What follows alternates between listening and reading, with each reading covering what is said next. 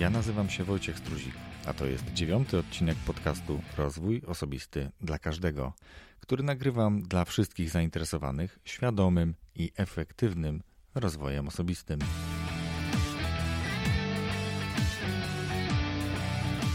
W tym odcinku zapraszam Cię do wysłuchania rozmowy z Aliną i Marleną, które wspólnie tworzą autokreację.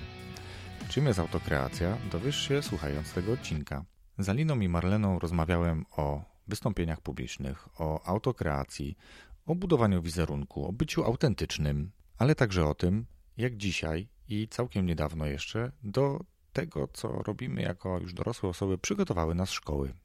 I co możemy wspólnie zrobić, jakie aktywności podejmować, aby już teraz pomagać naszej młodzieży. Gorąco zachęcam Cię do wysłuchania tego odcinka. Wszystkiego dobrego.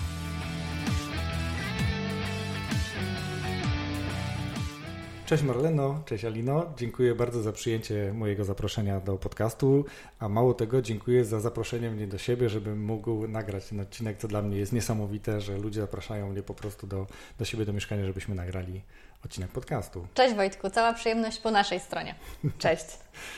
Dziękuję jeszcze raz. Dobrze, to też tradycyjnie, tak na wstępie mam już, e, kiedy robię wywiad z gośćmi, że proszę ich o to, aby powiedzieli kilka słów o sobie, więc będę mówił kilka słów o sobie, a Wy proszę bardzo. Mhm. Autokreacja to miks psychologii i biznesu, tak lubimy o sobie mówić. Prowadzimy szkolenia i konsultacje indywidualne właśnie z zakresu autoprezentacji w biznesie. Często mówimy też, że oswajamy innych ze sceną, tą dużą sceną, kiedy stajemy twarzą w twarz naprzeciwko setek oczu wpatrzonych w nas, wyczekującym spojrzeniem, kiedy oślepiają nas światła reflektorów, lampy i musimy zacząć mówić. Publiczność oczekuje od nas czegoś i musimy wystąpić. Chcemy zrobić to dobrze.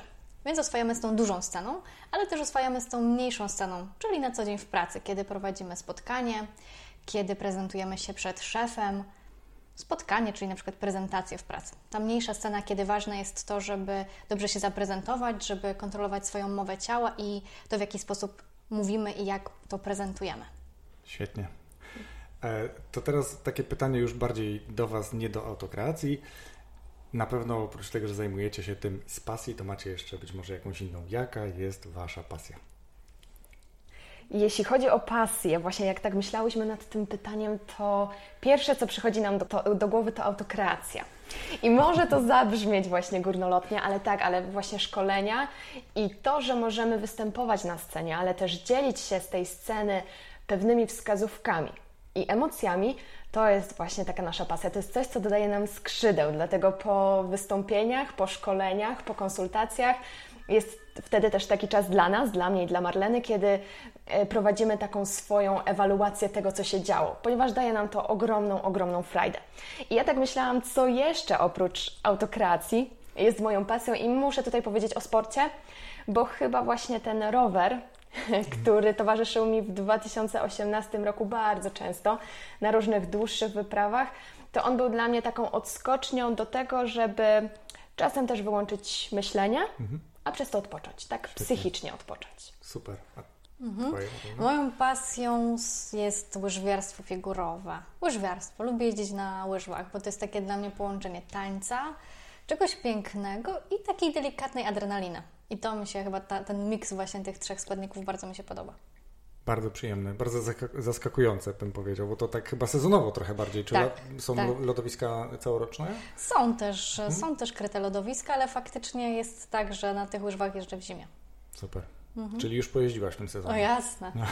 Ale ja muszę Wam powiedzieć, że jak tak sobie myślę o Marlenie jako o sobie i o jej cechach w ogóle osobowości, to to łyżwiarstwo jest e, po prostu dla, nie, dla niej idealnym sportem. Hmm. Właśnie to, o czym mówisz, to połączenie takiej delikatności, subtelności, ale też pewności, takiej odwagi w zasadzie.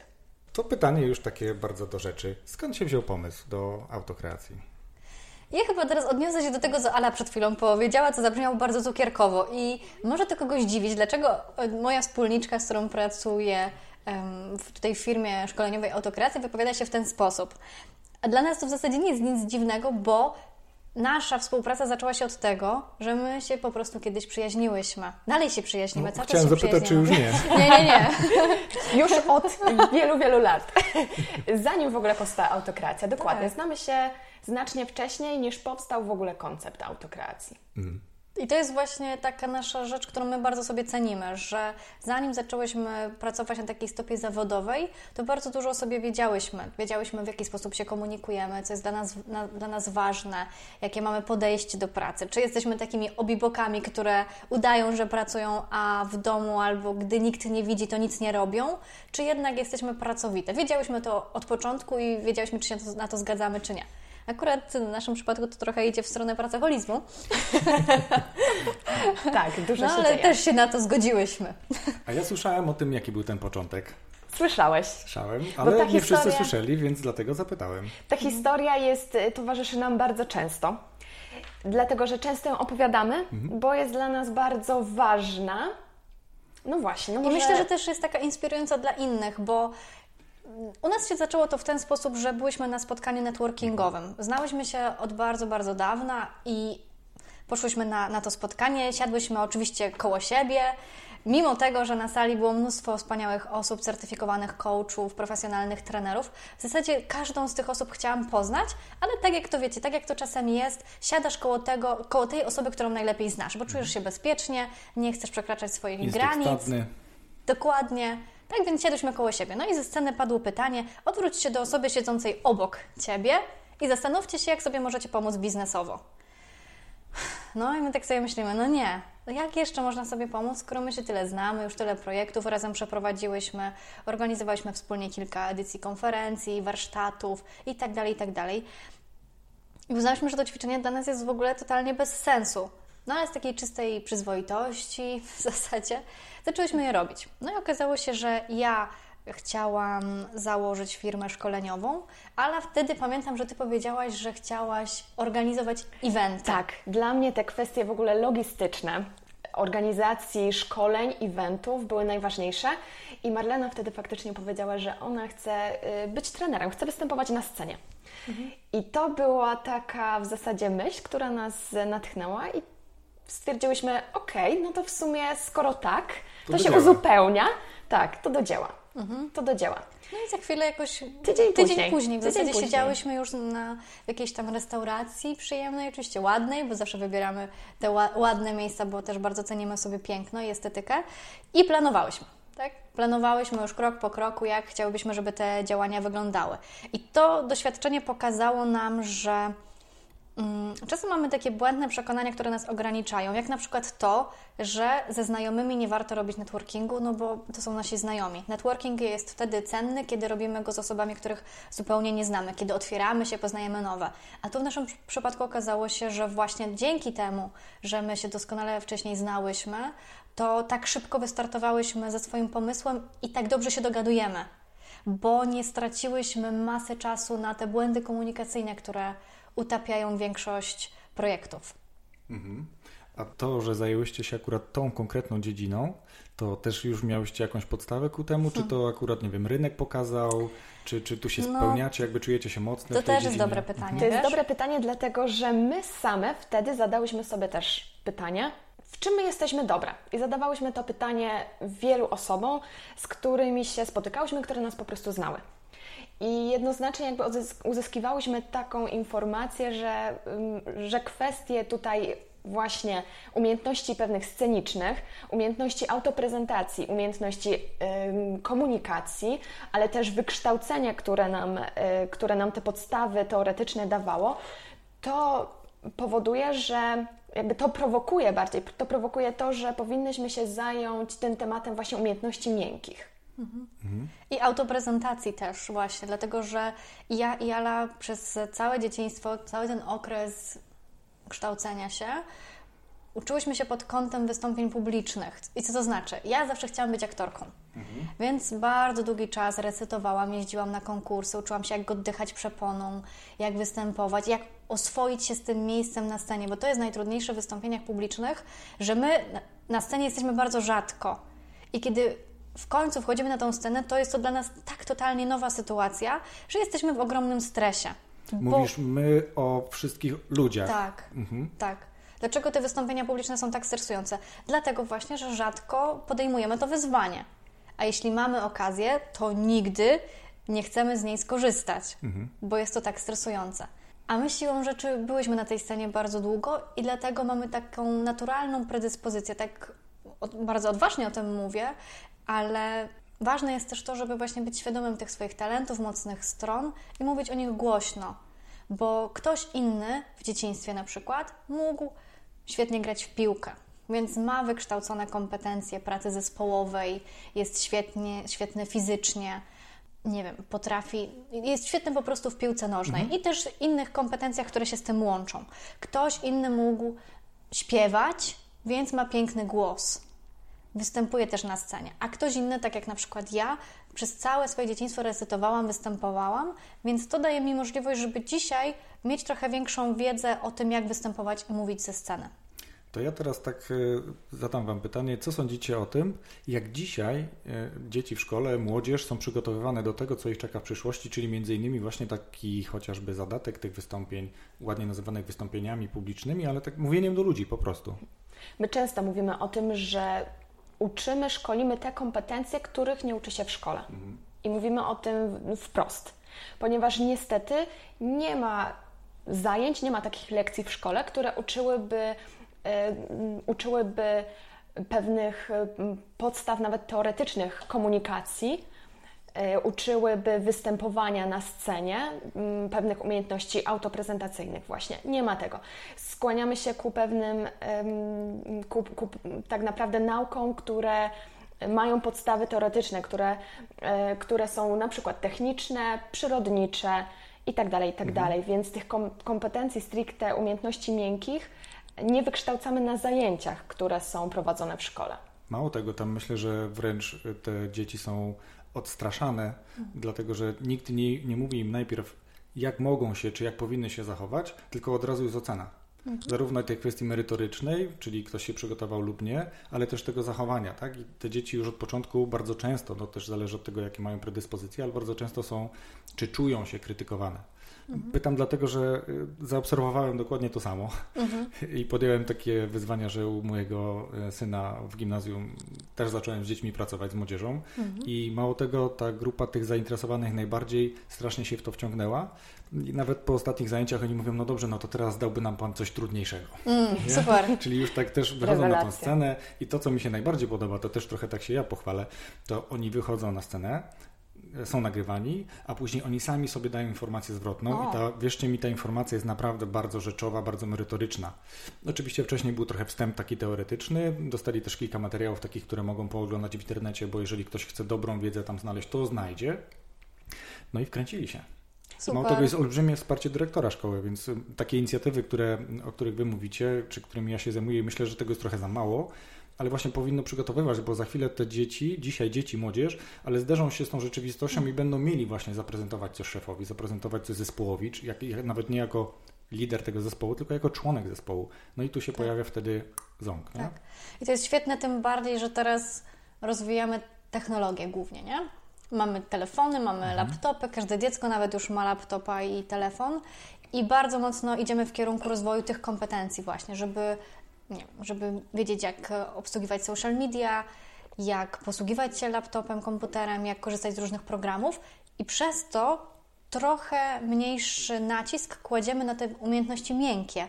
I za chwilę będzie tak, że każdy będzie potrafić świetnie obsługiwać laptopa i telefon, ale nagle się okaże, że żadne dziecko nie będzie chciało wyjść i powiedzieć czegoś głośno, mhm. bo przez to, że ciągle siedzimy przed komputerem, to mamy mało styczności z innymi ludźmi. Więc to mówienie do innych ludzi nagle okazuje się czymś niezwykłym. Już nie samo wyjście na scenę jest tak przerażające, co teraz nawet roz, rozmowa z drugim człowiekiem jest w jakiś sposób krępująca i stresująca. Poznawanie nowych ludzi, prezentacja w małym gronie, tak jak na spotkaniu biznesowym w pracy, czy chociażby jeszcze prezentacja czy recytacja na forum klasy. To zaczyna być bardzo stresujące. To zawsze było stresujące, ale przez to, że teraz mamy tak dużo styczności z tym monitorem, z ekranem, a nie z drugim człowiekiem, to jest to jeszcze bardziej Myślę, że to potęguje. trudne. Ja chciałam jeszcze tutaj zwrócić uwagę na jedną kwestię, o której powiedziałeś, że tym dzieciakom daje to ogromną frajdę Mhm. i one, one chcą więcej, one chcą częściej występować. Mhm. To jest też swego rodzaju po prostu takie przełamanie pewnego stresu, pewnego lęku przed y, no, oceną y, y, swoich widzów, rozmówców, dzięki czemu one już teraz znacznie pewniejsze siebie mogą wyjść i głośno mówić o tym, o czym chcą. Tak, dokładnie. Poza tym ja zaobserwowałem, znaczy dobra, to był też taki mój zabieg, że najpierw e, byli zaskoczeni. E, Grupę podzieliłem na dwie części. Jedna grupa dostała do ręki e, krótki materiał, wierszyk, tak naprawdę ten wierszyk, który tam poprawia dykcję trochę, tak, e, żegno czynadla, czynadel. A druga grupa nic. Ta, ta, która nic nie dostała, mówię, dobra, to chodź teraz w takim razie, Adam, masz tutaj kartkę i na scenę i recytujesz. No i dobra, każdy z nich po kolei to zrobił, a teraz ta druga grupa, która wcześniej dostała materiał, czyli już miała trochę fory, wychodzi i, i później dyskusja, kto się jak czuł. A kolejne spotkanie z kolei, to już mieli materiał taki, gdzie mogli się przygotować i mówią, no tak, no jak, jak ja już wiem co, to to już jest łatwiejsze, nie? Czyli jakby już ta merytoryczna kwestia przygotowania jest istotna, bo nie każdy ma predyspozycję, żeby wyjść i improwizować, więc muszą się przygotować. To też warto podkreślać, że to musi być przygotowanie. Nie? Świetne, I to jest wy się, świetne tym, ćwiczenie. wy się tym e, na co dzień e, przecież zajmujecie. Tak, ale to jest właśnie świetne pokazanie tego, że jeżeli jesteś przygotowany, to czujesz się znacznie lepiej. Odejmujesz sobie odrobinę stresu, który i tak Cię na, na scenie spotka, ale o, o to, że dzięki temu, że będziesz przygotowany, to już tego stresu trochę sobie odejmujesz. I to jest super, super ćwiczenie. A też bardzo często mówi się, że najlepsza improwizacja to jest ta, która jest świetnie przygotowana. Tak, coś w tym jest. No dokładnie. Ale jeszcze taką jedną rzecz muszę Wam powiedzieć, bo to się chyba dopiero robi e, w Polsce popularne, chociaż już jest od lat. E, Słyszałyście o Toastmasters? Tak. No właśnie, więc ja też już od jakiegoś czasu uczestniczę i uczę się mówić, chociaż byłem przekonany, że potrafię. To wierzcie mi, że jak dostaję informację zwrotną, to się okazuje, że ja nic nie wiedziałem. Mm, I też to propaguję trochę. Ci ludzie, którzy bardzo często wyszli stamtąd, są teraz świetnymi trenerami czy mówcami publicznymi, więc to daje naprawdę dużą wartość, choć moje pierwsze wrażenia były mieszane. E, I teraz ym, dokładnie to samo się jakby przekłada mm, na wszystkie inne zagadnienia związane z wystąpieniami, czy w ogóle z treningiem miękkim, z, z tymi e, rzeczami, o których e, Wy mówicie. Ale ja chciałem zapytać o, o tą autoprezentację, ale też w kontekście autentyczności, czyli jeżeli już przygotowujecie kogoś, to na co zwracacie uwagę? W ogóle przygotowując kogoś do wystąpienia, czy też do, y, do pewnej rozmowy, e, albo do jego działania nad, nad swoim wizerunkiem, nad swoją marką, zawsze, zawsze zaczynamy od takiego ćwiczenia, które opieramy na narzędziach coachingowych. I to jest rewelacyjne, dlatego że my najpierw musimy poznać osobę, poznać e, człowieka. Nie jest tak, że mamy pewien wachlarz, zestaw wskazówek, któremu każdemu, który każdemu wpychamy do kieszeni, idź i, i korzystaj z tego. Nie, tak, tak po prostu nie jest, tak się nie, nie, nie może zadziać. Do każdego trzeba podejść indywidualnie, więc najpierw ta część poznania osoby, ale też uświadomienia, myślę, jej pewnych kwestii i ta, mm, jakby poświęcenie czasu na to, żeby ona uświadomiła sobie też swoje mocne strony, swoje umiejętności, ale też takie mm, ścieżki, takie płaszczyzny do rozwoju. To jest kluczowe, żeby w ogóle zacząć działać na, mm, na, zacząć pracować nad własną marką, nad y, kwestiami autoprezentacji, które będą opierać się na takich solidnych fundamentach autentyczności. Tak, żeby ktoś też bardzo dobrze czuł się tak naprawdę sam ze sobą, bo to tutaj w tym wszystkim chodzi.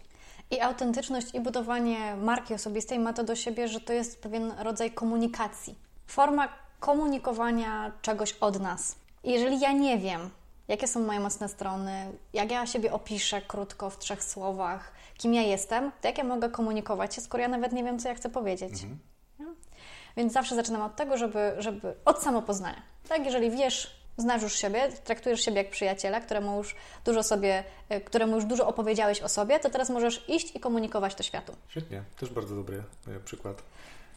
My właśnie też często y, zwracamy uwagę na to, że marka po prostu, która mm, chce być lubiana przez odbiorców, powinna być przede wszystkim autentyczna i silna. I na tym się skupiamy. Ta autentyczność wynika właśnie z, przede wszystkim, głównie ze świadomości własnych e, możliwości. I też oprócz tego, że. Bo dlaczego w ogóle ta marka powinna być autentyczna? Myślę, że tutaj y, warto zwrócić uwagę na dwa powody. Po pierwsze, nie udajemy nikogo, a więc nie męczymy się z tą naszą marką. Po prostu, w cudzysłowie, nie męczymy się z nią. Ale drugim powodem jest też to, że odbiorcy są bardzo wyczuleni na, na fałsz. My, jako odbiorcy pewnych komunikatów, chcemy móc zaufać danej marce. I dlatego autentyczność jest tutaj niezmiernie ważna, bo lubimy tylko te marki, którym mo- możemy zaufać. Co więcej, my kupujemy od marek, którym możemy zaufać, i to też jest ważne. I zwracamy tutaj uwagę nie tylko na, na autentyczność, ale też na siłę, bo to, że będziemy marką lubianą, nie wystarczy. Marka musi być też silna, dlatego żeby zapadła przede wszystkim w pamięci odbiorcy. Czyli mówimy o tej charyzmie takiej. Dokładnie. popularnej. Mhm. Jako siła. Marka, marka osobista jest takimi skojarzeniami, które my budzimy w głowach innych. I żebyśmy my budzili te skojarzenia w głowach innych, to my najpierw musimy wiedzieć, jakie te skojarzenia są, jakie chcemy budzić. I żeby to dobrze wytłumaczyć, to może podam przykład linii lotniczych Ryanair. Co nam się kojarzy z liniami lot- Że lotniczymi? są tanie. Że są tanie, dokładnie. I teraz, jeżeli ja wiem, że Ryanair to jest linia tania, to Ryanair nigdy nie zrobi czegoś, co nie będzie się kojarzyć z taniością, nie będzie się kojarzyć z, dro- z drogimi usługami, czyli, nie wiem, ich fotele w samolotach nigdy nie będą super wygodne. Nie będzie tam dużo miejsca, dlatego że to nie jest coś, co kojarzy się właśnie Z taniością. z taniością. To jest coś drogiego. A oni chcą być kojarzeni z taniością. Z kolei drogi produkt to mi się od razu kojarzy y, Apple. Tak? Produkty, laptopy, iPhony. To są drogie produkty. I teraz, no i jakby i, i wszyscy doskonale wiemy właśnie, że firma Apple mm, kieruje się do osób, który, którym właśnie zależy na tym prestiżu, na poczuciu, luks, na luksusie. I oni nigdy nie będą mieli tanich produktów z kolei, bo to jest właśnie coś, co stoi na drugim biegunie bycia luksusowym i drogim. Czyli też fajne jest to, żeby jeżeli ja chcę zacząć budować swoją markę, to zastanowić się, jakie skojarzenia chcę budzić w głowach innych i teraz wszystkie działania, które wykonuję, powinny iść w tym kierunku. Dobrym też taki, taką rzeczą, którą my też bardzo często robimy, jest to, żeby zaproponować naszym mm, klientom, żeby zapytali swoich znajomych, rodziny, przyjaciół, partnera, co oni o nich myślą. Dlatego, że nam czasami jest ciężko popatrzeć na siebie tak obiektywnie, z boku i określić tych kilka cech. Więc fajnie jest pójść do kogoś, kto nas dobrze zna i poprosić, żeby nam powiedział, jakbyś mnie opisał w trzech słowach, to co byś o mnie powiedział? I teraz dostajemy jeszcze informację zwrotną od kogoś, kto na nas patrzy. Innym też fajnym ćwiczeniem jest to, żeby zapytać osób, których się w ogóle nie zna, Czy jakie budzimy to pierwsze wrażenie. I to jest trudne właśnie, no bo Mhm. jak to zrobić? My na szkoleniu naszym bardzo często robimy to ćwiczenie właśnie, że grupa, która się totalnie nie zna, daje sobie informację zwrotną, jakie pierwsze wrażenie budzą. I to jest zawsze... Po kilku nie- minutach Tak. rozmowy, spotkania. tak, i to jest zawsze ćwiczenie, które ma mega power, jest taką petardą, bo ludzie nagle czytają, wow, nigdy nie wiedziałem, jakie pierwsze wrażenie budza, a to jest bardzo ważne, bo i, w, i jeżeli jestem przedsiębiorcą, i jeżeli pracuję na etacie w firmie, to to pierwsze wrażenie jest niezwykle istotne. Bo o ile, nie wiem, jako pracownik firmy albo w klasie, jeżeli tam mieliśmy przykład właśnie szkoły, nie zrobię tego dobrego pierwszego wrażenia, no to mam jeszcze szansę, w związku z tym, że jesteśmy na zajęciach albo pracujemy w jednej firmie, więc się spotkamy też jutro, to mam szansę na to, żeby zatrzeć to złe pierwsze wrażenie i jednak pokazać, że jestem spoko. O ile jestem przedsiębiorcą i to pierwsze spotkanie jest decydujące o tym, czy ktoś później będzie chciał z nami podjąć współpracę, albo na rozmowie rekrutacyjnej podczas tego pierwszego spotkania nie zrobimy dobrego pierwszego wrażenia, no to mało prawdopodobne, że będziemy mieć szansę na drugie. Pierwsze wrażenie robi się tylko raz. No. To co, to, co powiedziałyście, żeby pytać osób, no to wy też powiedziałyście o tym, że na początku, zanim zawiązałyście autokreację, to pytałyście, prawda? I jest, to jest rzecz, z którą ja się spotkałem pierwszy raz w książce Darka Łużyckiego, gdzie on mówi, no dobrze, no to teraz masz jakąś wiedzę na swój temat, z jakichś ocen, e, tam 360 czy, czy innych ocen przez przełożonych, no i co z tym zrobisz? Czy tam robisz jakieś testy, tak, czy, czy galupa, czy jakiekolwiek inne. No i masz to dla siebie, a może skonfrontuj to z kimś, daj to komuś, niech on to powie, czy on, czy on na przykład się zgadza, czy nie. Ja mówię, jak to zrobić? Nie, no przecież to jest moje, to jest moja ocena, ja mam teraz się tak obnażyć i to jest, to jest dla wielu bardzo trudne. Jak ludzie reagują na, na, na coś takiego, kiedy muszą zapytać, co o mnie sądzisz? To jest bardzo trudne ćwiczenie. To jest bardzo trudne ćwiczenie, bo tak naprawdę to jest trochę właśnie tak, jak mówisz, konfrontacja. I chyba to zależy od tego, jakie kto ma do tego podejście, bo jeśli ktoś chce uzyskać wiedzę i traktuje to jako uzyskanie wiedzy, to zupełnie inaczej będzie podchodził do tego pytania, niż ktoś traktuje to jako konfrontację, czyli ze samą sobą. Już samo słowo konfrontacja mhm. Y, nasuwa na źle, pewne źle myśli, się źle się kojarzy. Mhm. Dokładnie tak. To jest trudne Masz ćwiczenie. rację, że to jest trudne, nie? Bo to wymaga od e, kogoś dużej otwartości, takiej pojemności, otwartości na to, że ktoś może mi powiedzieć, że robię też to złe pierwsze wrażenie. I to jest trochę też tak, jak e, podobnie jest z przyjmowaniem feedbacku. I to bardzo często u nas na szkoleniach też się pojawia, bo często pracujemy z kamerą, albo w ogóle ludzie występują na scenie i zawsze ich pytamy, czy po wystąpieniu chcą usłyszeć feedback. Zazwyczaj ludzie na szkoleniu mówią, no pewnie, przecież po to tu przyszedłem. Mhm. Właśnie na tym mi najbardziej zależy, żeby usłyszeć zaczyna? feedback. Ale nie jest to pytanie, które zadajemy tak po prostu, dlatego że wiele razy zdarzyło nam się, że ktoś powiedział, że on tego feedbacku nie chce usłyszeć mhm. w grupie. No bo właśnie, bo jesteśmy w grupie, bo trzeba wysłuchać tego, a może akurat ktoś wypunktuje mi moje błędy, moje, mocne, moje słabe strony, na które ja jeszcze nie jestem gotowy, żeby, żeby o nich słuchać tak publicznie. No właśnie, a to jest bardzo istotne, bo jak inaczej można się rozwijać, jak inaczej można się poprawiać, kiedy nie mamy informacji, co poprawiać. Można, popra- można popracować nad mocnymi stronami. Nawet jeżeli, to warto wiedzieć, czy te mocne, o których ja myślę, że one są mocne, to czy inni też tak uważają. To mhm. tylko pokazuje też to, że dla niektórych samo wyjście na scenę i powiedzenie kilku słów jest już takim ogromnym przeżyciem, że feedback to, to już w zasadzie za dużo. To ja zapytam teraz, bo obie mówicie o tym czasie. Ile czasu potrzeba, żeby człowiek przygotował się do poprawnych wystąpień? Poprawnych. I właśnie tutaj pada odpowiedź, klucz, to zależy. To zależy, jak prawnik. To zależy. Mhm. Zdarza się, że pracujemy z klientami po... Generalnie jakby jedno takie nasze spotkanie z klientem, jeśli mówimy o konsultacjach indywidualnych, trwa około 3 godzin. Mhm. Około, plus minus.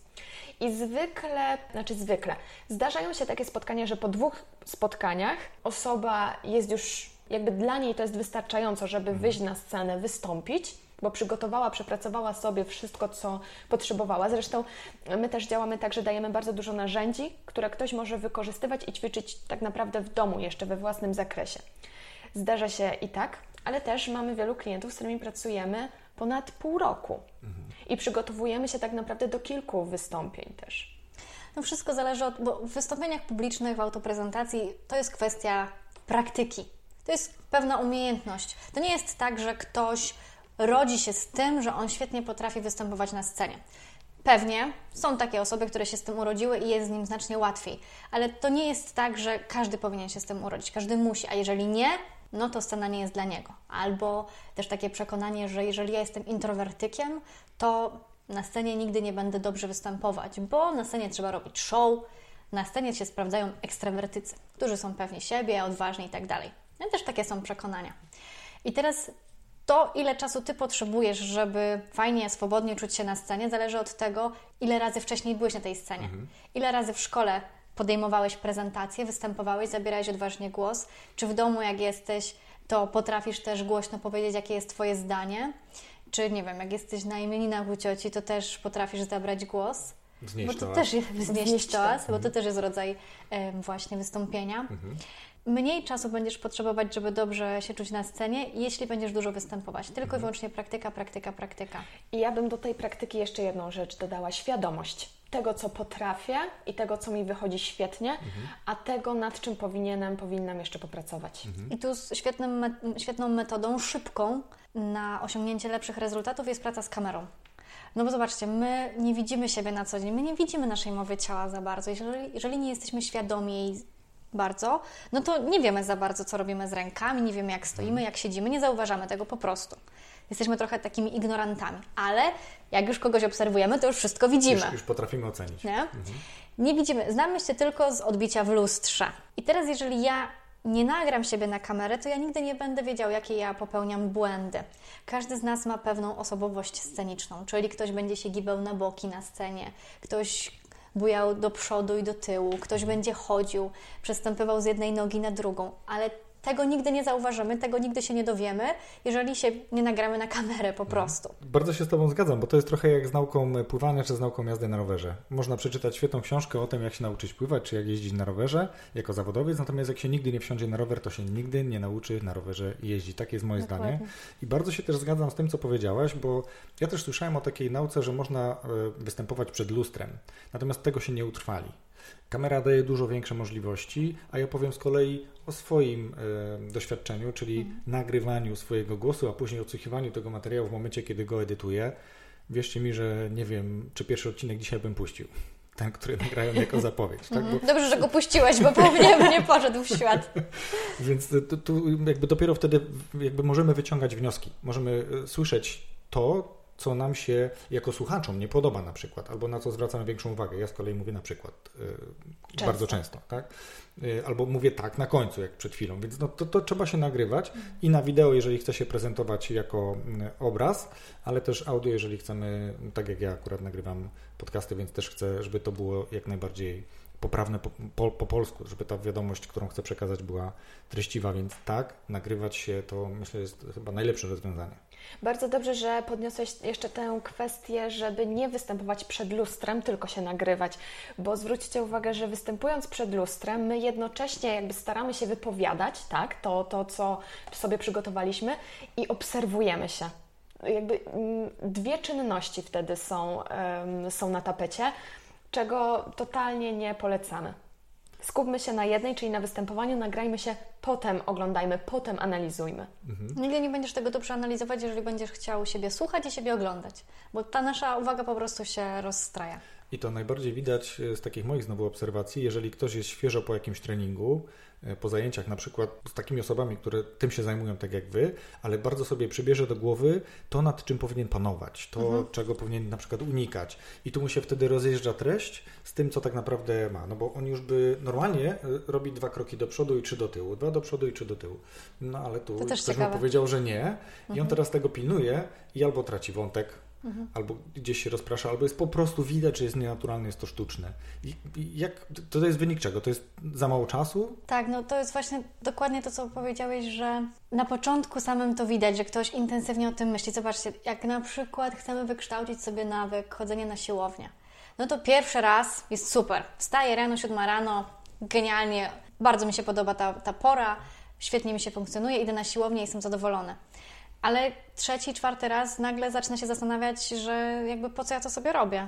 Jakby łóżko jest tak przyjemne, nie chce mi się. I teraz ja muszę intensywnie o tym myśleć, żeby jednak na tą siłownię pójść, żeby się zwlec z tego łóżka, bo ten nawyk jeszcze nie jest wyrobiony.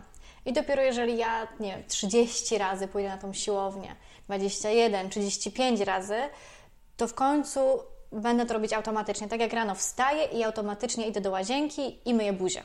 Nie zastanawiam się, czy ja dzisiaj umyję buzię, czy ja może nie umyję tej buzi. Po prostu robię to automatycznie.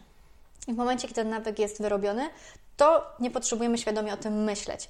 I tutaj znowu to jest tak, jak właśnie powiedziałeś, na przykład, kiedy chcemy zacząć panować nad swoją mową ciała i staramy się nie zakładać, nie krzyżować rąk na ramionach, bo wiemy, że ktoś może pomyśleć sobie, że jesteśmy osobami zamkniętymi.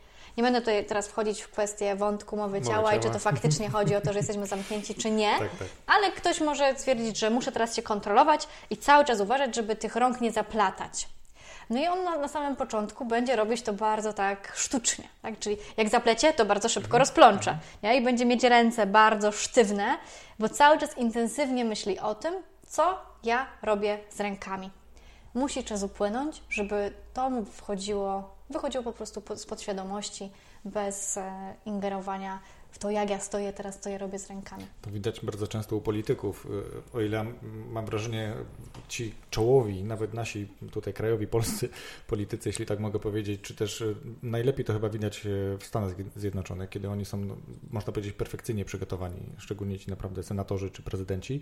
Mm, Ale takie przypadki u nas były, kiedy ktoś chyba nawet, słyszałem historycznie, wystąpił z słuchawką w uchu. Czyli skończył mówić, a ktoś mówi, a teraz opuść ręce. No i on skończył mówić i te ręce z opóźnieniem na przykład lądują gdzieś, tak? To jest tak O rażące. ja, Więc super tutaj przykład. odradzamy, myślę, wszyscy zgodnie, żadnych takich zabiegów. Lepiej parę godzin więcej, czy parę dni, nawet tygodni, bo to tak trzeba liczyć.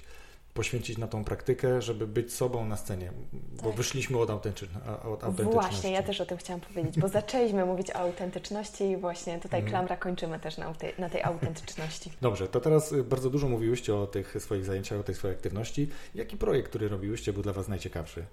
W zasadzie projekt, który realizowałyśmy niedawno i w sumie realizujemy do teraz. Mhm.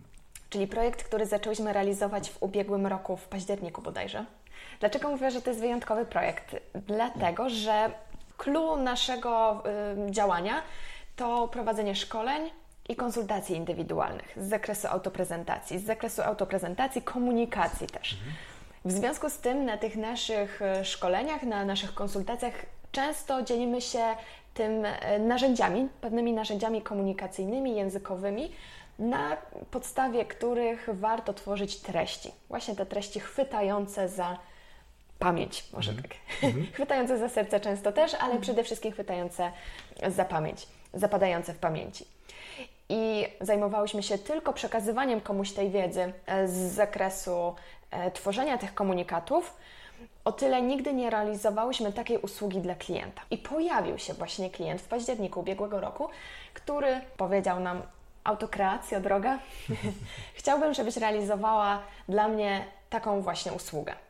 Usługę, która będzie polegać na edycji przede wszystkim, takiej mocnej edycji tekstów, ale też tworzeniu pewnych treści, pewnego kontentu opartego na najlepszych praktykach językowych. I w zasadzie myślałyśmy, czy podjąć się tego wyzwania, czy nie. No ale oczywiście, skoro jest to wyzwanie, to, to podjęłyśmy się. Dokładnie tak. Pozdrawiamy tutaj Dominika Juszczyka i e, On też, on też Was pozdrawia. tak, dlatego że tutaj włączył się nasz talent, który Dominik nam pomógł odkryć, Mhm. nasz talent mm, aktywatora. Mamy E, tu na ten myśli talent, tak, Talenty ten, Galupa. talenty Galupa, dokładnie tak. Ten talent jest, y, przejawia się zarówno u mnie, jak i u Marleny w pierwszej piątce. Dlatego stwierdziliśmy, ok, spróbujmy, zrobimy to. I tak właśnie od października do teraz już działamy y, z naszym klientem, edytując, tworząc, redagując treści właśnie w oparciu o te narzędzia językowe, których do tej pory tak naprawdę tylko uczyłyśmy, które przekazywałyśmy komuś. które robiłyśmy, wykorzystywałyśmy we własnej pracy, ale nigdy nie tworzyłyśmy kontentu dla kogoś. Tak. To było ciekawe. I co, co najciekawsze to jest to, że to daje bardzo dużą siłę i duże efekty. Osoba, dla- dla której pracujemy, ma taki typowo analityczny umysł i uwielbia wszystko analizować i pokazywać w tabelach, na wynikach. Więc e, mamy jasno na białym pokazane, jak ważna jest komunikacja, jak ona dużo daje. Jak te działania kontentowe właśnie na przestrzeni całego zeszłego roku, w październiku, listopadzie i grudniu znacznie podniosły efektywność tej osoby biznesową, efektywność biznesową. Ten case opisujemy na swoim blogu, także można zerknąć właśnie. Wszystko podlinkujemy. Oczywiście można zerknąć, e, zobaczyć o co, tam, o co tam chodziło i jak te wyniki się tam ukazują. Czyli mówimy o poprawie efektywności tego, tego klienta poprzez poprawę jego komunikacji. Tak, tak. Tak. to rozumiem, tak? Dokładnie, Dokładnie. tak. Super. Dlatego to jest jeden z naszych takich najciekawszych projektów, ponieważ y, na przestrzeni ostatnich lat, kiedy zajmujemy się szkoleniami komunika- i konsultacjami indywidualnymi, to było coś takiego innego, co Czyli zaczęłyśmy robić. to, czego tak naprawdę uczyłyście również, teraz miałyście okazję przetestować robiąc. Jako świadcząc Świetne. usługę copywritingu, a do tej pory nie świadczyłyśmy szkolenia, dawałyśmy konsultacje indywidualne, a nie robiłyśmy copywritingu. Mhm. Okazało się, że to jest też bardzo, bardzo ciekawe. I Ciekawa też jesteście utalentowane w tym, w tym materiale. No, no tak, no skoro poprawa jest efektywności, to musi być. No tak, przed niech będzie. Mówiłyśmy, No niech chwilą mówiłyśmy o tym, że trzeba głośno mówić o swoich Tak, mocnych stronach, więc Dokładnie. tak. Przyjmować komplementy, a nie, nie gdzie tam. Fajną masz bluzkę. A co ty, taki stary łak wyciągnięty z szafy? No dokładnie. Dobrze, to mówiłyście, ja to traktuję też trochę w kontekście sukcesu. Z jednej strony bardzo ciekawy projekt, ale tak mówicie mm, o tym jako mm, o sukcesie, ale życie nie składa się z samych sukcesów i jestem bardzo ciekaw y, jakiejś takiej porażki, która pozwoliła Wam wyciągnąć być może jakieś ciekawe wnioski albo zmienić sposób, model postępowania. Mhm. Wiesz co, rezonuje w naszych głowach taka historia, sytuacja, która zdarzyła się w zasadzie dosyć niedawno. Pewien duży klient korporacyjny chciał znaleźć firmę szkoleniową, która poprowadzi event dla dużej grupy pracowników. I miał kilka ofert różnych firm szkoleniowych, wyselekcjono- wyselekcjonowane już, i nasza była jedną z głównych propozycji. I klient zrezygnował z tej naszej, naszej oferty nie znał nas osobiście, oglądał tylko przesłaną w PDF-ie ofertę, oglądał nasze zdjęcia i odrzucił naszą ofertę. I wytłumaczenie tego było takie, że za młodo wyglądamy. Po prostu. Za młodo wyglądamy. I to jest taka rzecz, która jest faktem, tak? My patrząc na nas, ktoś może faktycznie stwierdzić, że jesteśmy młode, młodo wyglądamy. To jest coś, czego my nie jesteśmy w zasadzie w stanie zmienić. Tak jak ktoś jest niski, ktoś jest wysoki, ktoś ma nie wiem, niebieskie oczy albo zielone. To jest fakt, cecha naszego wyglądu, której nie jesteśmy w stanie zmienić. I ten problem młodego wyglądu dotyka wielu przedsiębiorców, bo wiele osób do nas przychodzi właśnie i pyta się, jak sobie z tym poradzić. Ja młodo wyglądam i czuję, że mogę nie budzić takiego dużego autorytetu. Może ludzie nie będą mi chcieli zaufać przez tą właśnie cechę. I to, co my zawsze doradzamy, w naszym przypadku, to jest tak, że my nie jesteśmy mentorkami. Nie jesteśmy mentorkami, które korzystają z 40-letniego doświadczenia życiowego. My uczymy pewnej umiejętności, umiejętności występowania na, scenę, na scenie. Więc o ile klient daje nam możliwość tej rozmowy, to zawsze jesteśmy w stanie to obronić, mówiąc, że od zawsze występowałyśmy na scenie. Wiemy, jak się prezentować, wiemy, jak sobie radzić z tą tremą, jak oswajać innych ze sceną i tej umiejętności swobodnie możemy uczyć ludzi w każdym wieku. I to zawsze, to zawsze przemawia, tak? że właśnie chodzi o pewną umiejętność, a nie całe doświadczenie życiowe. Nie jesteśmy mentorkami, tylko trenerkami umiejętności występowania publicznego i autoprezentacji. Czyli to, że Wasza oferta została odrzucona z racji na Wasz młody wygląd, to była Wasza porażka, tak to odczytujecie? Tak. A czy to zmieniło na przykład sposób, w jaki budujecie teraz ofertę? Wysyłacie na przykład ofertę wideo, kiedy występujecie na scenie albo coś w tym rodzaju? To zdarzyło się y, tak niedawno Okay. w zasadzie, że, że na razie y, tak naprawdę staramy się no jakoś to rozwiązać. Aczkolwiek tak naprawdę te myśli o tym naszym młodym wyglądzie z nami towarzyszą już tak, Tak. od początku. My doskonale zdajemy sobie sprawę z tego, że właśnie wyglądamy młodo i dla części klientów może się wydawać, skoro to są młode osoby, to nie są doświadczone, a więc skoro nie są doświadczone, to nie są kompetentne. I od początku tak naprawdę stwierdziliśmy, że oczywiście te swoje, to czego nie możemy zmienić, musimy przekuć swoją, e, Przewagę. swoją przewagę, dokładnie, w taką swoją mocną stronę. Więc staramy się to robić. E, I staramy się też zawsze poprawiać wszystkich, żeby nie mówili o nas, że jesteśmy dziewczynami z autokreacji. A ja jak powiedziałem? zdarza. Nie, powiedziałem. dzisiaj Dobrze. chyba nie. To, to jak, jak powinienem powiedzieć? Ale Alina i Marlena z autokracji. autokracji. Dokładnie. Tak, Tak, dokładnie, Sam sobie tak. odpowiedziałem. I, ale powiem Wam, że to trochę jestem w stanie zrozumieć. Y, Może niekoniecznie na Waszym przykładzie, bo tu mi się od razu taki pomysł zrodził, że możecie wysłać oferty w formie wideo i pokazywać swoje mocne wystąpienia, czyli to, jak się prezentujecie i to będzie naprawdę, myślę, to będzie przekonujące. Ale teraz faktycznie tak jest trochę. I, i to myślę, że to jest efekt, taki rykoszet. Jak, jak ktoś chce być coachem, a to jest mu ciężko się przebić, bo jest bardzo wielu takich, którzy no, zepsuli e, pojęcie coachingu. Nie będę wymieniał, no ale generalnie każdemu w głowie ktoś się pojawia, kto, kto negatywnie się kojarzy z coachingiem. Przy czym tak. coaching w mojej osobistej ocenie jest czymś też wartościowym, pod warunkiem, że ten coach potrafi ten, to zajęcie, to spotkanie poprowadzić w sposób właściwy. Jest chemia i, i tak dalej, i tak dalej. Ale teraz pojawiło się bardzo wiele młodych osób, które uzurpują sobie, to jest moje zdanie, uzurpują sobie prawo do bycia ekspertem. Teraz Tak. mamy ludzi, którzy mają 20 x lat i oni są ekspertem w tym, w tym i w tym i oni wpływają na to, że osoby takie jak wy na przykład mogą być traktowane też, że jesteście na przykład zbyt młode. Znowu mówię za dużo na przykład. A to często się zdarza, bo masz rację.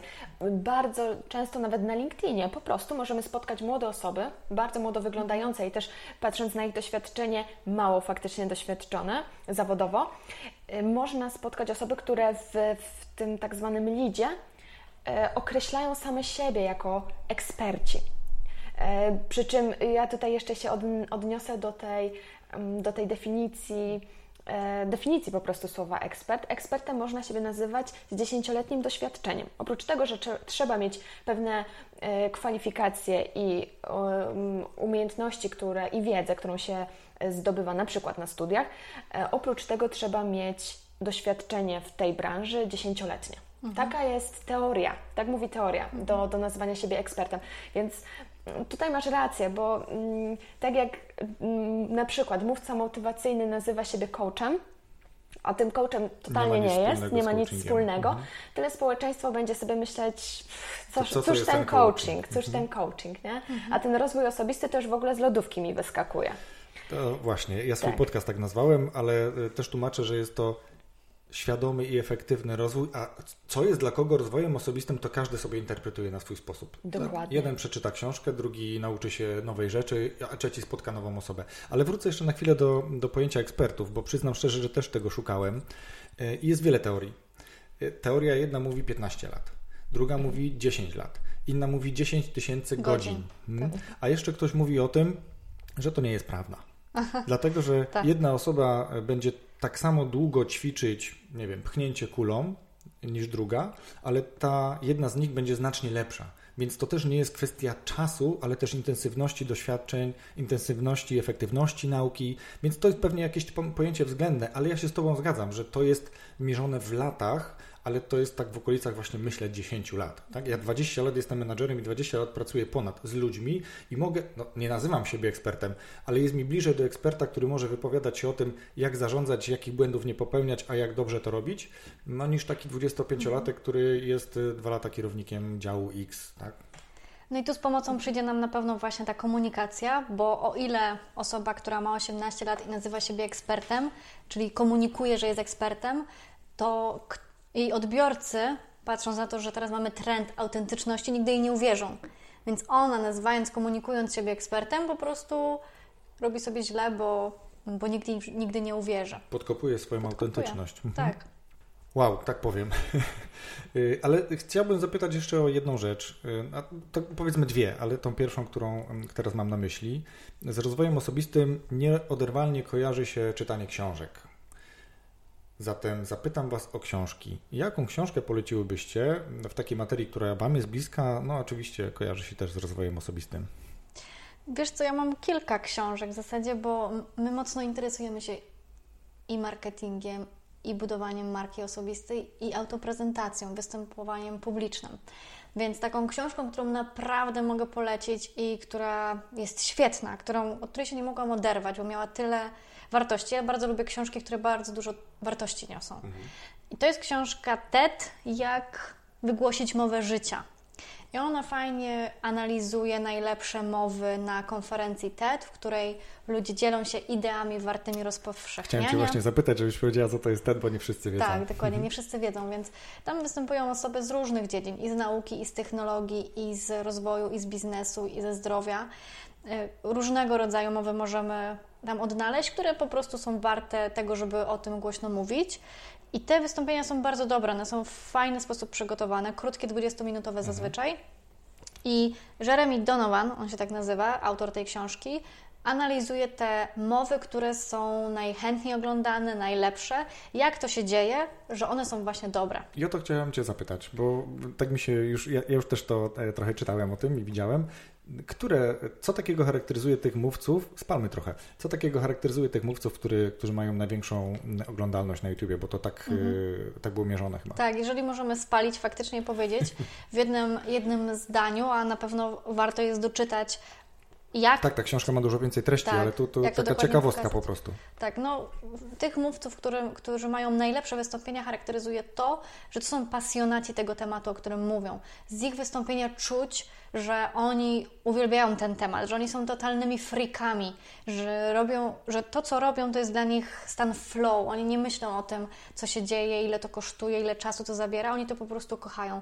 I to miłość ze sceny widać, dlatego oni porywają tłumy, bo porywa ta energia, ta emocja. Mhm. To, to słychać nawet w głosie, tego nie trzeba oglądać. Natomiast ci, którzy oglądają i analizują pod względem mowy ciała, wiecie, kto ma najwięcej oglądalności? Którzy ludzie czym się charakteryzują? No, teraz mnie zaskoczyłeś. Powiedz. Gestykulują. Zaciekawiłeś. A. Gestykulują i to tak y, wiele razy więcej niż te osoby, które mają, y, które mają mniej, mniej oglądalności. Mhm. Czyli jakby ta energia na scenie, poza pasją w głosie, o której tutaj okay. z kolei mówisz, i, i, treścią, no bo jakby z, z, tą pasją też jest na pewno bogata merytoryka, ale właśnie to, jak się ktoś zachowuje na scenie, jak się rusza, ile energii w nim jest, to, to mm -hmm. też ponoć e, bardzo, bardzo działa im plus. Czyli nie statycznie, a, a właśnie energicznie. Co jeszcze? Wiesz co, z, z, z, dziedziny marketingu, bo też my na co dzień pracujemy w marketingu, oprócz tego, że mamy tą właśnie naszą firmę szkoleniową, naszą prawdziwą pasję, mhm. o której możemy mówić i porywać pewnie tłumy, bo uwielbiamy ten temat, to pracujemy też w marketingu. I taka książka, którą bardzo polecam, ona Fajna jest dlatego, że ona jest bardzo krótka, to też jest fajne w zasadzie, mhm.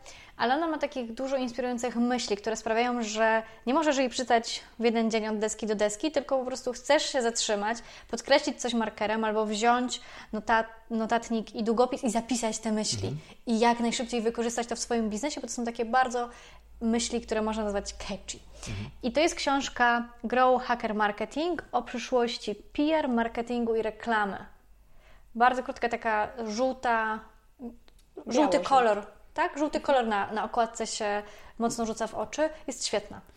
Mówisz o tym, że pracujecie i ja też Wam y, muszę zadać to pytanie. Pracujecie zawodowo, to jest minimum 8 godzin, tak? Plus dojazdy i tak dalej, i tak dalej. A teraz bardzo dużo mówicie z wielką energią, z wielką pasją o tym zajęciu, które robicie jeszcze po pracy. Jak to jest możliwe? Istnieje takie prawo fizyki, gdzie im więcej obowiązków, tym więcej czasu, tym Twoja doba ma więcej godzin. Więc my z tego prawa bardzo mocno korzystamy. Tak. E, a tak naprawdę to. To jest prawda. To jest prawda. Nie no, tu oczekiwałem, że powiecie, że planujecie, organizujecie, tak... Wiesz co, tak, na pewno tak jest. To, co było w ogóle ciekawe, to myślę, że możemy się podzielić w ogóle jako, jako przedsiębiorcy prowadzący swój własny biznes. Ustaliłyśmy kiedyś, w związku z tym, że też chciałyśmy mieć e, trochę czasu takiego na to, żeby na przykład móc sobie pooglądać seriale, móc e, mhm. wyjść do kina, bądź iść na kolację ze znajomymi tak zwany czas wolny. Tak zwany czas wolny, który oczywiście już z wyprzedzeniem możemy zaplanować. Mm, chciałyśmy sobie y, tę naszą pracę w autokreacji usystematyzować. To znaczy, że na przykład w poniedziałki 3 godziny, w środy 4 godziny, w soboty 8 i w niedzielę 2 na przykład. Mhm. Nigdy to nie wyszło. Kilka razy miałyśmy mhm. kilka podejść do tego, żeby to w ten sposób zrobić. Nie wyszło i myślę, że tutaj wszyscy przedsiębiorcy nas doskonale zrozumieją zrozumieją, że, że to tak. tak to no jest. tak to jest, że jeżeli coś jest Twoją pasją, to po prostu pracując nawet, nie czujesz, że pracujesz. To chcę powiedzieć, ten czas zupełnie inaczej leci, ale chcę się nawiązać, chcę nawiązać do tego, co powiedziałaś. Ja z kolei żartobliwie powiem, że to chińskie przysłowie, jak masz mało czasu, to weź sobie kolejne zajęcie, czas się znajdzie. tak, I dokładnie. ja od kilku miesięcy obserwuję to po sobie. Znowu powiem e, trochę egoistycznie o, o sobie, ale faktycznie jest tak, że w momencie, kiedy zacząłem trochę poszukiwać pasji i dotarłem do pewnych takich zasobów, które mogę wykorzystać i teraz uruchomiłem jeszcze dodatkowo podcast, to znajomi też się pytają, Wojtek, ty śpisz? Mhm. Więc y, dlatego Was też pytam, jak to jest, że godzicie tą pracę zawodową z pasją i jeszcze y, radzicie sobie na pewno ze swoim czasem wolnym, wykorzystujecie Tak, to jest świetnie. niezwykłe, jak dużo możemy zrobić w ciągu jednego dnia. Równocześnie niezwykłe jest to, jak mało możemy zrobić w ciągu jednego dnia. Ciągle myśląc, że jesteśmy bardzo zajęci. Nawet nagrałem taki krótki odcinek jadąc samochodem o tym, jak czas przelatuje przez palce i jak dobrze jest sobie zdać z tego sprawę i jak najwcześniej zmienić czyli żeby ten czas nawet wykorzystywany, czy to wolny, czy nie, bo dużo mówimy o produktywności w pracy, o podnoszeniu efektywności itd., tak itd., tak ale mało mówimy o tym, jak dobrze gospodarować czasem wolnym. I ten czas wolny bardzo często kojarzy się, nie wiem czemu, może znowu stereotypowo panowie przed telewizorami z pilotem i piwem, to to jest czas wolny. A ten czas wolny można zupełnie inaczej, bardziej pożytecznie również wykorzystać. Mhm. Zgodzicie się? Tak, zdecydowanie. No, myślę, że tak to robicie. Tych seriali chyba to tak za wiele nie oglądacie. Za wiele nie. Ja, no ja nie jestem się. specjalistką niestety. Od seriali? Od seriali nie. Ja lubię. Nie, to no ja nie oglądam właśnie. Prywatę rzadko. zdradzę, ja też nie przepadam za serialem. Znaczy generalnie za telewizją. Ja się wkręciłam chyba w ostatnim roku. Seriale? tak, Netflix? wkręciłam się. Netflix, okay. no. Ale tam są też bardzo fajne dokumentalne seriale. Też. I e, jest kilka nawet takich, które mogłabym polecić, ale to prywatnie, zupełnie prywatnie. Rozumiem. Ja, ja prywatnie i nieprywatnie powiem, że bardzo mi się podobał dokument o Tony Robbins. O widzisz, mhm. dobrze, Tony Robbins. Czyli serial o e, Tony Robbinsie, który porywa tłumy. No, także wartościowe, jeżeli coś oglądać, to, to właśnie To nie taką, słyszałam, że powstał ten serial. Jest. Znaczy, przepraszam, to nie serial. Jeden, jeden dokument, ale on jest okay. w kilku odsłonach. Także okay. można powiedzieć, że to serial, bo tam jest chyba takich pięć Co e, czy tam cztery wątki. Polecam. Fajnie. Dobrze, e, powiedziałyście o bardzo fajnych książkach. Chcecie jeszcze dodać jakąś może? Ja chciałabym może nie tyle dodać książkę, co dodać um, dodać osobę, którą warto wyszukać w sieci, wyszukać jej filmy i wyszukać jej badania. Y, bo w zasadzie to ona też trochę mnie zaraziła do tego, żeby się mocniej zainteresować tematem w ogóle mowy ciała. Y, Paul Ekman, mhm. jego badania, książki co prawda może nie będę polecać, ponieważ to są takie kobyły ogromne, które ciężko, bardzo ciężko się czyta. Ale jeśli jest bardzo dużo jego filmów na YouTubie, więc warto sobie wyszukać Paula Ekmana, myślę, że warto też zajrzeć do jego badań opublikowanych. Można tego naprawdę mnóstwo znaleźć w sieci na no temat tak, mowy ciała. Bo jak oglądać YouTube, to lepiej jakieś wartościowe filmy. Oczywiście. Dobrze. To w takim razie, no, reasumując, czy też podsumowując e, tą świetną rozmowę, gdzie albo w jaki sposób można Was znaleźć w internecie, gdyby ktoś chciał trochę więcej o Was poczytać, posłuchać, poglądać? Znaleźć to nas można przede wszystkim na sali szkoleniowej. Tam nas najlepiej posłuchać i pooglądać w czasie wolnym. A jeśli chodzi o internet, to zapraszamy gorąco na naszego Facebooka Autokreacja mhm. i zapraszamy też na naszą stronę internetową autokreacja.net e, i na naszego bloga na stronie. Na stronie jest nasz blog i tam też właśnie dzielimy się fajnymi artykułami dotyczącymi autoprezentacji i budowania marki osobistej. Byłem, no i Facebook. Byłem, widziałem, zaglądałem, ale nic nie powiedziałyście, może dlatego, że nie pytałem. E, stworzyłyście też bardzo fajny poradnik. Stworzyłyśmy. To trochę jeszcze o tym. Mini kurs nasz mhm. o tym, jak w siedmiu krokach nauczyć się, albo w zasadzie nie nauczyć się, tylko przygotować prezentację. Wyobraźcie sobie, że macie do przygotowania prezentację w pracy, chcecie coś zaprezentować i dopada Was stres, nie macie pojęcia od czego zacząć, no bo przecież nikt Wam nigdy nie powiedział, jak do tego się należy przygotować. Albo zostaliście, jesteście specjalistami, żeby nie powiedzieć ekspertami, znacie się dobrze na pewnym obszarze, na przykład nie wiem, jesteście świetnymi specjalistami w swojej firmie od analityki, albo od tworzenia stron internetowych i ktoś Was zaprasza, o, mm, zaprasza na jakiś event, żebyście powiedzieli o tym, jak to robicie, jakie są dobre i złe praktyki. I teraz wpadacie w panikę, bo nie macie pojęcia, jak to zrobić. Więc ten nasz mini kurs, on pokazuje w siedmiu krokach, jak przygotować taką prezentację, zaczynając od tego, mm, żeby określić, do kogo ja będę mówić, bo grupa docelowa bardzo dużo nam weryfikuje. Mhm jeżeli mamy mówić, występować na scenie, to zawsze pamiętajmy, że mówimy do ludzi. Oni nas słuchają, oni mają pewne potrzeby, mm, przykłady, swoje środowisko, w którym się obracają, więc fajnie, żeby ta prezentacja była dopasowana do nich. No i kolejna rzecz jest taka, że ta prezentacja nasza powinna być porywająca, powinna być angażująca publiczność, więc my zawsze zachęcamy do tego, żeby używać maksymalnie dużo różnych narzędzi, różnych metod angażowania publiczności, żeby nie robić wykładów, które są nudne, które nam kojarzą się od razu z wykładami na studiach, gdzie zasypiamy, bo nasza uwaga nie jest w stanie wytrwać mhm. przez półtorej godziny, kiedy ktoś tylko mówi jednostajnie, jest tylko usypia. taka i usypia nas mhm. po prostu, tak?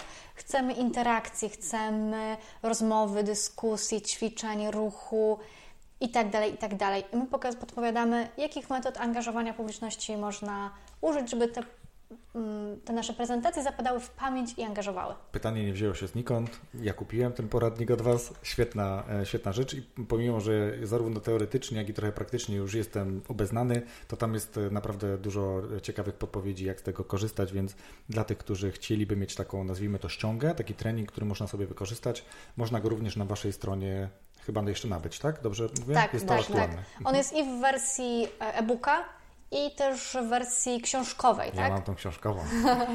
można właśnie wydrukować sobie tam, dajemy dużo miejsca na robienie notatek, mhm. więc od razu można sobie wypisać, odpowiedzi na te pytania można wypisać i w zasadzie po przejściu tego mini kursu możemy już za, zabrać się za przygotowanie kontentu, który przygotowujemy z wielką przyjemnością i z łatwością, bo już mamy bardzo dużo w głowie przemyślanego. Dużą bazę. Dokładnie. Zatem Marleno, Alino, Bardzo miło mi się z Wami rozmawia, ale chciałem za tą rozmowę Wam dzisiaj podziękować. Było mi niezmiernie miło to, co powiedziałem na początku, że przyjęłyście moje zaproszenie, ale mało tego, zaprosiłyście mnie do siebie, gdzie mogliśmy sobie porozmawiać i myślę, że dla słuchaczy podcastu dostarczyć dużo wartościowych informacji. My również dziękujemy. Bardzo miło było z Tobą rozmawiać. Bardzo miło, dziękujemy. Dziękuję. Właśnie wysłuchałeś kolejnego odcinka podcastu Rozwój Osobisty dla Każdego.